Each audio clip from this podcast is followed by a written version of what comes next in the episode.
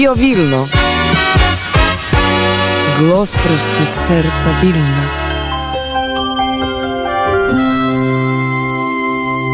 Sponsorem Studia Wilno jest PKN Orlen. Dzień dobry, dzień dobry i jak co czwartek z Wami na falach Radia Wnet Studio Wilno i przy mikrofonie Agata Antoniewicz. Nasz program nadajemy z hospicjum błogosławionego księdza Michała Sopoćki dzięki gościnności siostry Michaeli Rak z miejsca właśnie szczególnego na Litwie, gdzie niełatwą pracę wykonują wolontariusze opiekujący się nieuleczalnie chorymi osobami. Za oknem hospicjum mamy słoneczne, mm, słoneczną pogodę, promienie lata dzisiaj nas rozpieszczają. Na termometrach jest 23 stopnie, dzisiaj ma się zagrzeć do 28, nawet 30. Natomiast nasz wileński zegar Studia Wilno wskazuje godzinę 10.11, a na Państwa zegarach jest godzina 9.11. Zapraszam najpierw do wysłuchania informacji z kraju, a później do rozmowy z naszymi gośćmi. Wileński przegląd zdarzeń. Litwa jest gotowa współpracować ze swoimi sojusznikami w celu zapewnienia pokoju i stabilności na świecie, powiedział podczas uroczystości upamiętniających stolecie nawiązania stosunków dyplomatycznych między Litwą a USA prezydent Gitanas Nausėda. Podczas uroczystości, które odbyły się w Wilnie na placu Waszyngtona, ambasador USA na Litwie podkreślił, jak ważne jest to, by państwa demokratyczne były zjednoczone wobec zagrożeń i wyzwań ze strony autokratycznych reżimów dla naszego bezpieczeństwa i wspólnych wartości demokratycznych. Litwa, która w 1918 roku ogłosiła niepodległość, została de jure uznana przez USA 28 lipca 1922 roku, gdy w 1940 roku Związek Sowiecki zajął Litwę, sekretarz stanu USA e, Samuel Wells oświadczył, że Stany Zjednoczone nie uznają radzieckiej aneksji trzech państw bałtyckich, a placówki dyplomatyczne i konsularne tych państw mogą kontynuować swoją działalność w Ameryce. Litwa dostarczy Ukrainie kolejnych 10 transporterów opancerzonych M113 oraz e, pakiety materiałów wybuchowych i granaty dymne, informuje litewski resort obrony. Dodatkowe litewskie wsparcie wojskowe wkrótce dotrze na Ukrainę, oznajmił Anuszauskas, e, którego cytuje komunikat resortu obrony. Litwa oferuje również szkolenia dla ukraińskich mechaników i saperów. Jesteśmy elastyczni i gotowi pomóc e, w każdy możliwy sposób. Oczywiście w zależności od potrzeb zgłoszonych przez Ukrainę, podkreślił Arvidas Anuszauskas. Ministerstwo przypomina, że Litwa już wcześniej przekazała 10 transporterów opancerzonych M113, a dotychczasowa jej pomoc wojskowa dla Ukrainy wynosi 123 miliony euro. Celu poprawy rozbudowy infrastruktury sił zbrojnych Litwy ruszyła budowa trzech wojskowych miasteczek. Budowa ma się zakończyć na przełomie 2023-2024 roku. Łącznie będzie mogło tu pracować i służyć 2,5 tysiąca żołnierzy i osób cywilnych. Obecna sytuacja geopolityczna w regionie jest niezwykle napięta, co sprawia, że tworzenie jednostek wojskowych jest ważne nie tylko dla zaspokojenia potrzeb litewskich sił zbrojnych i sojuszników, ale także dla wzmocnienia bezpieczeństwa narodowego i polityki odstraszania, oświadczył minister Arvidas Anuszauskas. Nowe obiekty zostaną wzniesione w Silale na zachodzie kraju, w rejonie szawelskim na północy oraz w rejonie wileńskim. E, koszt realizacji trzech projektów wyniesie około 168 milionów euro. Delegacja Polsko-Litewskiej Grupy Parlamentarnej Sejmu Rzeczpospolitej Polskiej w tym tygodniu spotkała się ze społecznością rejonu trockiego, aby zapoznać się z sytuacją w zagrożonych szkołach z polskim językiem nauczania, gimnazjum imienia Longina Komolowskiego w Polukniu oraz szkole podstawowej imienia Stelmachowskiego w Starych Trokach. Podstawowym tematem spotkania były oczywiście dalszy los tych szkół, które są zagrożone tak zwaną reorganizacją w ramach przeprowadzonej w kraju reformy pod tytułem Szkoły Tysiąc tysiąclecia, gdzie władze rejonu trockiego zamierzają zdegradować szkoły do filii 4 maja Wileński Sąd Administracyjny zastosował środek zapobiegawczy i zawiesił działanie uchwały Rady Samorządu Rejonu Trockiego w sprawie reorganizacji dwóch zagrożonych polskich szkół. Ich status w tym roku pozostaje taki sam. Będą działały bez zmian. Według danych Departamentu Statystyki w ciągu pół roku Wilno odwiedziło prawie pół miliona turystów, czyli zaledwie o 1 czwartą mniej niż w 2019 roku, kiedy Wilno odnotowało rekordową liczbę turystów. Rosnąca liczba turystów w pierwszej połowie tego roku daje nadzieję, że po dwóch latach wyzwań sektor turystyczny ożywia się, a Wilno jest atrakcyjne i bezpieczne dla podróżujących nie tylko z państw sąsiednich, ale także z dalszych krajów, mówi Inga Ramonowienie, szefowa Wileńskiej Agencji Rozwoju Biznesu Turystyki Go Vilnius. Po zniesieniu ograniczeń związanych z pandemią do Wilna coraz więcej przyjeżdża turystów z krajów sąsiednich, Lotwy i Polski. Liczba przyjeżdżających z Ukrainy jest podobna do tej z 2019 roku, ale w tym roku cel ich przyjazdu jest inny znaleźć schronienie przed wojną. Statystyki hotelowe stolicy Litwy pokazują, że obłożenie hoteli sięgnęło 73% w czerwcu tego roku. To prawie tyle, ile było w czerwcu 2019 roku. Podczas pandemii w litewskiej stolicy pojawiły się nowe atrakcje turystyczne, restauracje i trasy zwiedzania. Mieszkańców Litwy pociągają, przyciągają do Wilna imprezy, festiwale i koncerty. 700-lecie Wilna już tuż, tuż, więc tych atrakcji jest o wiele, wiele więcej. Wilno świętuje.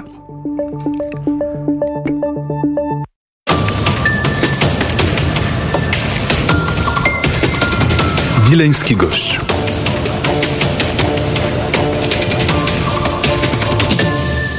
Gościem studia Wilno jest e, Tomasz Markiewicz, warszawianista, dziennikarz, historyk, publicysta, mieszkaniec Warszawy, przewodniczący Niezależnego Stowarzyszenia Zespół Opiekunów Kulturowego Dziedzictwa Warszawa ZOK. Dzień dobry.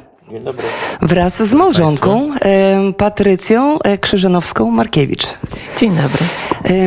Zapewne wiele Państwo słyszeli o Wilnie yy, i przybyli Państwo do Wilna. Co spowodowało, że ta decyzja zapadła? Bo jest Pan pierwszy raz, na ile mi Pierwszy wiadomo. raz, po pierwsze, y, małżonka była w 90 roku i chciała bardzo zobaczyć, jak od tego czasu Wilno się zmieniło. No, ja oczywiście zawsze też chciałem zobaczyć Wilno. Y, A ponieważ y, obiecałem kiedyś małżonce, że pokażę jej lwów i nie zdążyłem, no to nauka z tego taka, że nie należy odkładać takich decyzji. No i stąd jesteśmy w Wilnie. No i właśnie, te wyobrażenia, które Pan miał, e, będąc w Warszawie, nie będąc w Wilnie, bo pewnie wiele czytał, i to, co Pan teraz tutaj zobaczył, e, czy ten obraz e, w jakiś sposób e, zmienił w jakąś stronę, na przykład bardziej pozytywną, bardziej negatywną, czy po prostu bardziej jasny stał się? Muszę powiedzieć, że e, oczywiście spodziewałem się, że jedziemy do miasta, które e, jest praktycznie nie- niezniszczone podczas II wojny światowej, czyli podstawowa różnica z Warszawą, więc tu bardziej mamy skojarzenia e, z Krakowem czy, czy Lublinem, właśnie takimi miastami w Polsce.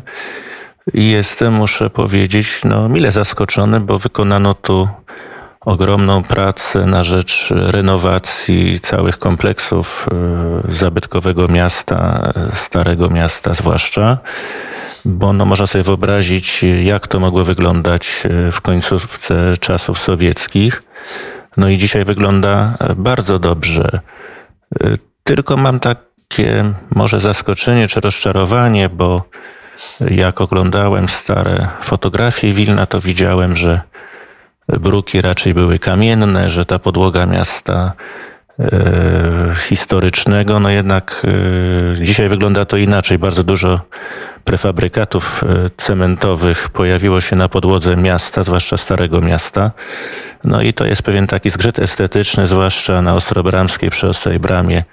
Uważam, że tak nie powinno być. No powiem, że w Polsce i w Warszawie mieliśmy podobne problemy i tendencje. E, Chciano modernizować też bruki Starego Miasta w Warszawie. Nasze stowarzyszenie e, się temu przeciwstawiło i przekonaliśmy władze miasta, żeby, e, żeby tego nie robić, że podłoga miasta, e, bo nasza starówka, podobnie jak e, Wileńska, jest wpisana na listę UNESCO, że to należy też potraktować jako immanentną część zabytku. No tu mnie dziwi, że w, Wilnie postąpiono inaczej w tym akurat e, wypadku.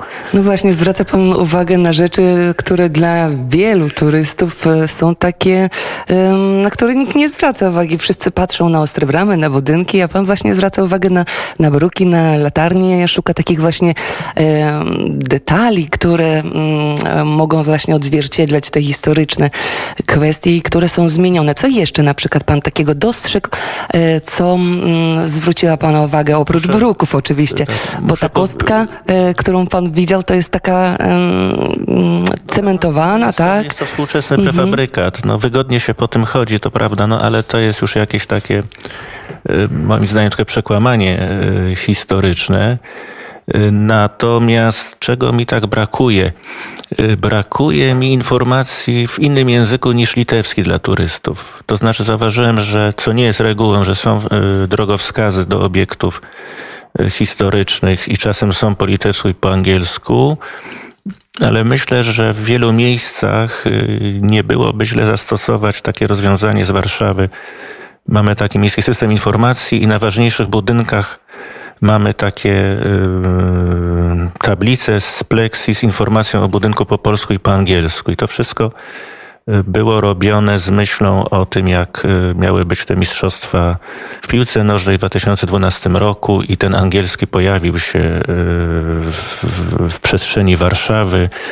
W metrze y, zapowiadane są stacje po polsku i po ang- po angielsku i właśnie są y, wskazówki również w języku angielskim y, do ważniejszych tam obiektów, tam filharmonii, teatrów, tak samo ministerstw, ambasad, to jest też po angielsku. Na przykład tutaj wczoraj szliśmy prospektem Gedymina, no i są ministerstwa, ale tam tylko po litewsku, to człowiek nie wie. Też mnie to tak dziwi, bo przecież jakieś delegacje zagraniczne trafiają, czy, y, czy coś, to, no, no to nie wiadomo, no jest nazwa y, Ministerstwa po litewsku i to wszystko, prawda? No i tak samo ważniejsze budynki. Przydałoby się, żeby chociaż była informacja po angielsku i myślę, że też można to taki postulat samorządowi Wilna podsunąć, bo to jest w interesie, myślę, y, miasta, które chce mieć turystów. Y, Więc no druga taka rzecz dla turysty polskiego może ważna, bo tutaj zauważyłem, że chyba jesteśmy chyba największą grupą turystów, nawet w tym takim teraz krytycznym momencie, bo, bo wielu ludzi w tej sytuacji może boi się wyjeżdżać do krajów tak blisko konfliktu, który się toczy na Ukrainie, ale mimo to widzę, że tych wycieczek y, z Polski jest dużo. Czuje się Pan tutaj bezpiecznie. No i oczywiście, że się czuję bezpiecznie. Yy, Natomiast no, wchodzi się do restauracji i karty są niestety po litewsku, no, szczęśliwie też po angielsku. No, ratują sytuację kelnerki mówiące po polsku, no ale może warto byłoby tak jak Ukraińcy w Lwowie zrobili, robić po prostu karty w języku polskim. To by też dużo ułatwiało E, nam, pa- polskim turystom. Pana małżonka również tutaj była dziewię- w 90 latach, tak? I teraz po w przeciągu tych 30 lat Wilno się na pewno zmieniło. E, Pani e, ogląda Wilno podobno ze strony miłośnika zabytków. E, jakie pani podobnie- ma spostrzeżenia, tak. jeżeli chodzi o Wilno i co się spodobało, co się nie spodobało? Jak to pani odbiera? Znaczy ja byłam e, na początku lat 90. E, Różnica jest ogromna. E, Wówczas no na przykład większość kościołów była pozamykana, była w strasznym stanie. No dowiadywaliśmy się, że tam są jakieś magazyny. No i wyglądały tak, jakby się miały za chwilę rozpaść, tak? W tej chwili wiele z tych kościołów jest już odnowionych albo jest w trakcie renowacji. Odzyskują swój niezwykły y, blask. Ym, No, w Wilnie jest wiele spektakularnych, przepięknych, barokowych budowli. Y, Zachwycił mnie na przykład Kościół Świętego Ducha, który jest y, po konserwacji y, z pięknie zrobionymi freskami, y, niezwykłą pieczołowitością y, odnowiony. Y, I widać, że jest to taka tendencja, która no, tutaj stała się wyraźna. Mam nadzieję, że obejmie jeszcze te budowle, które, które, których jeszcze nie zdołano wyremontować i poddać konserwacji, bo ten barok jest niezwykłym skarbem tego miejsca. I myślę, że wielu ludzi yy, albo już przyjeżdża, albo będzie przyjeżdżać, żeby to zobaczyć. E, po prostu wspaniałe zabytki. Naprawdę to jest barok, którego no, nie należy się wstydzić, z którego miasto powinno być bardzo dumne. No jest tu wiele pięknych rzeczy. My jak przyjechaliśmy, to wieczorem przyjechaliśmy, poszliśmy na taką wycieczkę nocną po Wilnie i udaliśmy się do y, Ostrej Bramy. To jest kolejny skarb tego miasta, perła. No oczywiście od razu jakby no, zwróciliśmy uwagę na, na, na tą kostkę cementową, którą nawet po ciemku widać i no, trzeba powiedzieć, no, jest to taki trochę zgrzyt, tak, no, żeby nie powiedzieć słowo, że to tandetnie wygląda w tym otoczeniu. Bo yy, wydaje mi się, że gdy ja tu byłam na początku lat 90., był bruk. I że po prostu ta ulica została, że tak powiem w cudzysłowie, zmodernizowana. Żeby było wygodnie chodzić. Yy, żeby było wygodnie chodzić, tak, ale, ale, ale po prostu stary kamień w takim miejscu, w miejscu, gdzie, nie wiem, setki tysięcy, miliony ludzi chodziły i ten kamień ścierały. No, yy, tam też w Ostrej Bramie yy, schody, bo wchodzi się po takich no, odnowionych, bardzo ładnie odnowionych, marmurowych schodach, tam do kaplicy, do, yy, można podejść do obracu ale wchodzi się teraz po nowiutkich schodach. A tu były schody, yy, na których było widać ślady stóp no, ludzi sprzed setek lat, tak? I, i to, to jest też cenne, to jest zabytek. I, i to daje bardzo przyjemną atmosferę, taką niezwykłą atmosferę, historyczną atmosferę miejsca. Szkoda, że takie rzeczy nie zostały zachowane. No ale, ale naprawdę y, miasto wygląda super, y, pozytywnie się zmienia. Y, wspaniały zamek, który tu powstał. No właśnie, no właśnie, zamek. Do czego porównujecie ten zamek, który powstał? Konstrukcja Y, tym się y, y, różni. Znaczy, kojarzę... Mówmy o głośno. Zamek Wielkich Książąt Litewskich. Książąt tak. Litewskich, tak. tak, stojący przy katedrze.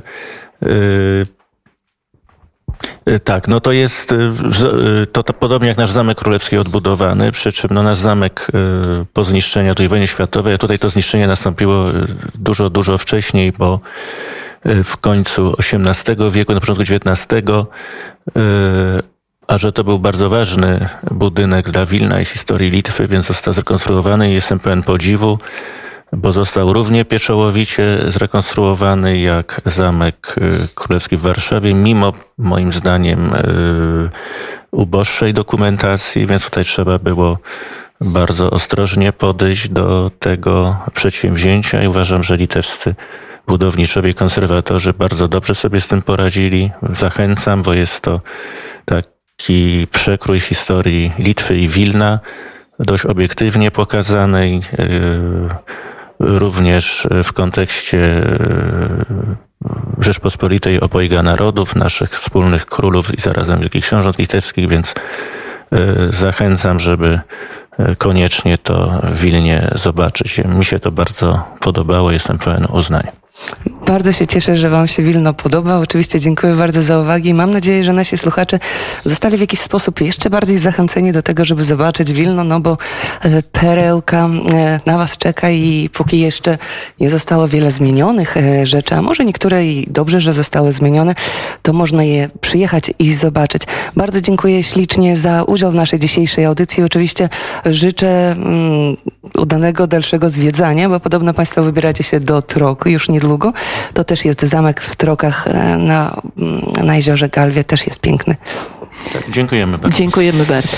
Dziękuję, tylko przypomnę, że rozmawialiśmy i gościliśmy w studio Wilno Tomasza Markiewicza, warszawianistę, dziennikarza, historyka, publicysty, mieszkańca Warszawy, przewodniczącego Niezależnego Stowarzyszenia Zespół Opiekunów Kulturowego Dziedzictwa Warszawy ZOK oraz Patrycję Krzyżanowską-Markiewicz, małżonkę. Dziękuję, a ja się z Państwem już niedługo żegnam, a raczej już teraz się żegnam, życząc e, miłego, udanego dnia. Tylko przypomnę, że audycję realizował Paweł Bielous, prowadziła Agata Antoniewicz. Do usłyszenia już niebawem. Do widzenia.